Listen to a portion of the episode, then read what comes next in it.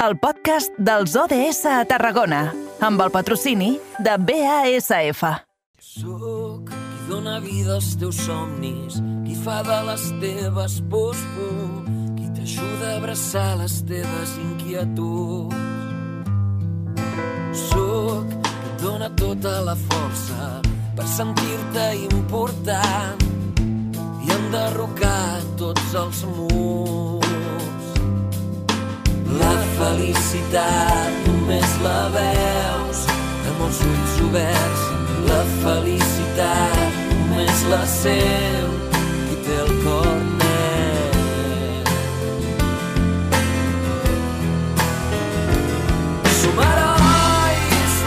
Ara sí, comencem aquesta darrera hora de programa amb els ODS, els Objectius de Desenvolupament Sostenible, i això vol dir que hem de fer parada a la capital del Baix Camp, a Reus, per saludar la nostra companya de la nova ràdio, Àngela Mayo. Bona tarda.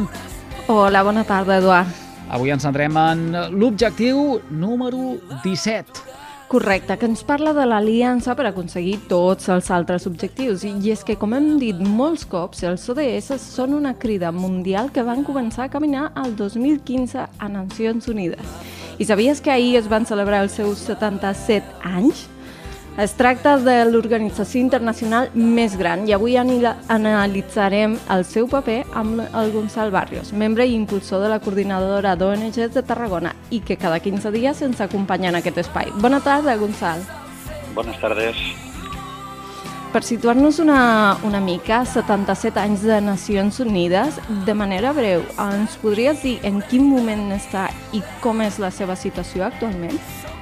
Bé, mm, primer dir que ja hi havia uns tractats internacionals anteriors a l'ONU, per tant la ONU eh, d'alguna forma recull una certa experiència perquè hi havia un, una conferència internacional de pau que es va crear el 1900, 1899, hi havia un acord permanent d'arbitratge també molt important en el seu moment, el 1902, i el 1919 hi havia els antecedents a l'ONU que era la Societat de les Nacions.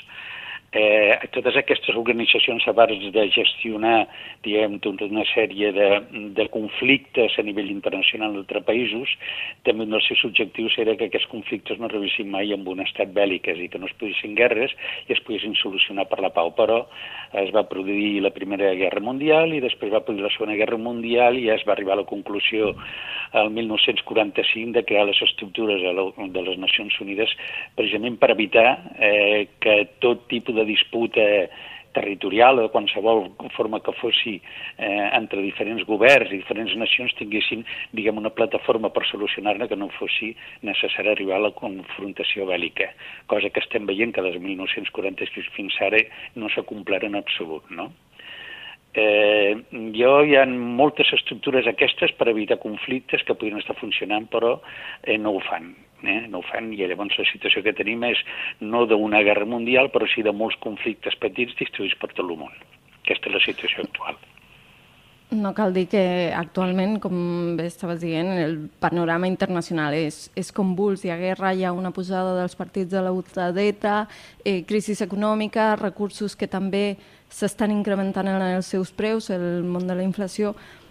En aquest sentit, les Nacions Unides, tu deies ara que eh, no estan aconseguint tot el que haurien d'aconseguir. Com podem fer per rectificar això o què s'hauria de fer per intentar eh, canviar el, la situació actual? Sí, mira, t'explicaré dos exemples de com, la, la, molts exemples que els llegiré, de com les Nacions Unides no ha pogut, eh, des que es va crear el 1945, eh, solucionar aquesta mena de disputes tremendes que estem patint els això. Tu en recorda també del tema de la colonització a Àfrica, en la qual Europa va participar moltíssim, i la descolonització que va, ser, va crear una situació de pobresa ja establerta que no s'ha superat a tota l'Àfrica, no? incomplint totes les normes que deia la ONU.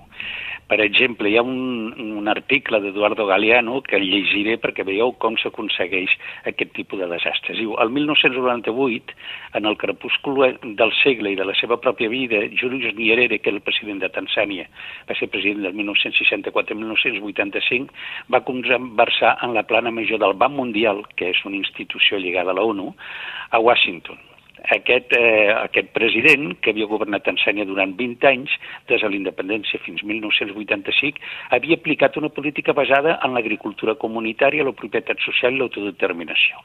La pregunta que li van fer els tècnics del Banc Mundial era per què ha fracassat vostè? I ell va contestar l'imperi britànic ens va deixar un país amb un 80% d'analfabetisme, dos enginyers i 12 metges. Quan vaig deixar el govern, teníem 9% d'alfabetisme i milers d'enginyers i metges. Jo vaig deixar el govern fa 13 anys. Llavors, el nostre ingrés per càpita era el doble que el d'ara i avui tenim un terç menys de nens a les escoles i la salut pública i els serveis socials estan a la ruïna. En aquests 13 anys, Tanzània ha fet tot el que el Banc Mundial i el Fons Monetari Internacional exigien que es fes.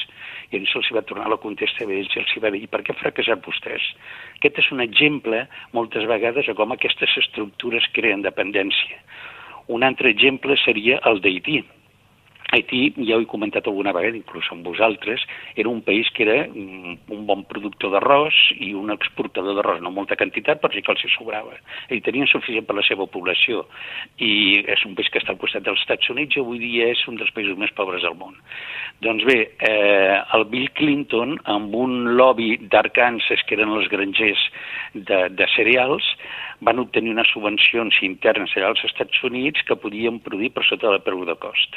Va obligar Clinton a que en aquells moments el president, que era Jean Bertat Aristide, tornés al seu país després d'un cop d'estat i li va obligar a reduir els arancels de l'arròs del 50 al 3%, en la qual l'exportació dels grangers a Arkansas, que és on era ell originari Bill Clinton, arribaven al país d'Haití molt més baratos que els que es produïen a Haití perquè estaven a nivell de dumping, és a dir, per sota del, del preu de cost. Total, en dos anys va arruïnar la producció d'arròs d'aquell país i avui dia és un país mort de gana, és un dels països, és el més pobre de Latinoamèrica i un dels més pobres del món, quan era un país que almenys la població podia menjar, no? I ell, quan va al 2010, la Bill Clinton, va acudir a la Comissió de Relacions Exteriors del Senat dels Estats Units i va donar compte de les seves gestions com a enviat especial de la ONU per Haití. Y él va a decir, tengo que vivir cada día con las consecuencias de una decisión mía que fue quizá buena para mis granjeros de Arkansas, pero fue un error porque trajo también como resultado la pérdida de la capacidad de producir arroz de Haití y, consecuentemente, su capacidad de alimentar a su pueblo. Fue resultado de algo que hice yo, nadie más. Eh? Vull dir, mm, i això estic parlant d'organismes de la ONU, un representant de la ONU que el que està creant és el contrari del que tenien que fer amb el tema de l'alimentació, amb el tema de la pendència d'aquests famosos 17 objectius del desenvolupament sostenible que el 2015 va crear la ONU i que acabaran el 2030 sense haver-se complit cap d'ells. Mm? Mm. Gonçal, i, i en aquest sentit, amb això que ens estàs uh, explicant o llegint textualment uh, ara, ara mateix, uh, mm. què, què, què es pot fer o uh, com es pot exigir realment que no sigui així? Bueno, doncs el que tenen que fer és, perquè l'ONU té molts poders i moltes eines. L'ONU, per exemple, té una capacitat tècnica i administrativa increïble. Té quantitat d'organismes al voltant, la FAO, que es dedica a l'agricultura, l'Organització Mundial del, del, de la Salut, la UNESCO, l'ACNUR, té moltíssimes eh, entitats que tenen una potència que creen informes com el famós Pla de Nacions Unides pel Desenvolupament, el PNUD, que el fa cada dos anys i que té una visió, o sigui, té un estudi econòmic de cada país d'una forma diferent a com ho fa el Banc Mundial i el Fons Monetari Internacional, es basa en desenvolupament humà i social, a banda del tema econòmic, no? Miren, doncs, l'edat d'escolarització població dels crius, la mortalitat infantil, exemple, molts, moltes dades que no miren quan se fa un estudi macroeconòmic. No? I ens donen moltes dades que són molt interessants. Simplement complint el que aquests organismes de la ONU i complint amb voluntat política, eh, amb voluntat política dels governs, les recomanacions de l'ONU amb aquests 17 objectius de desenvolupament solidari seria suficient seria més que suficient, perquè més la capacitat econòmica que tenen tots aquests països que té la ONU seria suficient per acabar amb la fama a tot el món i permetre un desenvolupament més harmònic i més igualitari de tota la humanitat, no? Perquè és una voluntat política.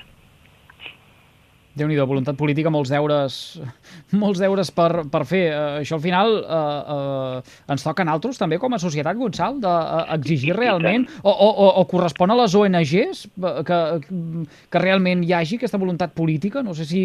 Uh, correspon a tothom. Mira, la ONU està formada, és una entitat que està formada pels governs a nivell mundial eh, no l'organització no govern, sinó els governs a nivell mundial, i crea totes aquestes estructures i eh, proposa aquest objectiu de desenvolupament mm, mm, eh, sostenible.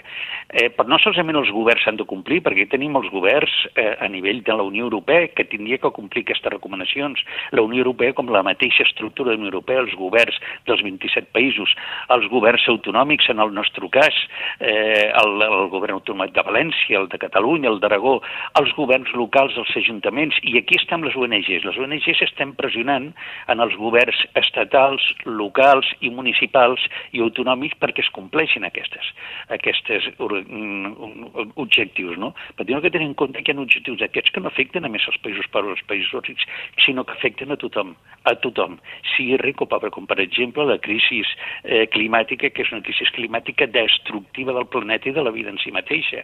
Per tant, aquests objectius eh, són essencialment obligatoris a complir, perquè si no anem amb un desastre, o el, els problemes de fam i d'alimentació són tremendos, la pobresa més s'afeminitza i les dones i els crius són els que més pateixen els símptomes de pobresa, etc. Si llegeixes els objectius, eh, tot el tema de gènere és una cosa molt important.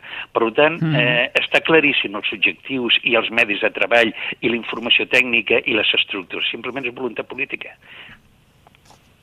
Gonçal Barrios, t'agraïm moltíssim que un cop més ens hagis despenjat el uh, telèfon. Uh, les teves paraules ens fan reflexionar uh, uh, personalment uh, com uh, en el conjunt de la societat i hi ha qui hauria de prendre nota de tot això perquè té molta més incidència en les seves decisions. Uh, són els nostres governants. Voluntat política, el que, el que dèiem ara. Un plaer, com sempre. Una abraçada, Gonçal. Moltes gràcies a vosaltres. Vinga, bones tardes. Gonçal Barrios, que, era, eh, que és membre i impulsor de la coordinadora d'ONGs de Tarragona i que aquesta temporada ens fa confiança i comparteix eh, uns minutets amb nosaltres amb aquesta periodicitat. Avui parlant eh, de les Nacions Unides i d'aquesta eh, Carta de les Nacions Unides que dèiem ara tot just fa una estona.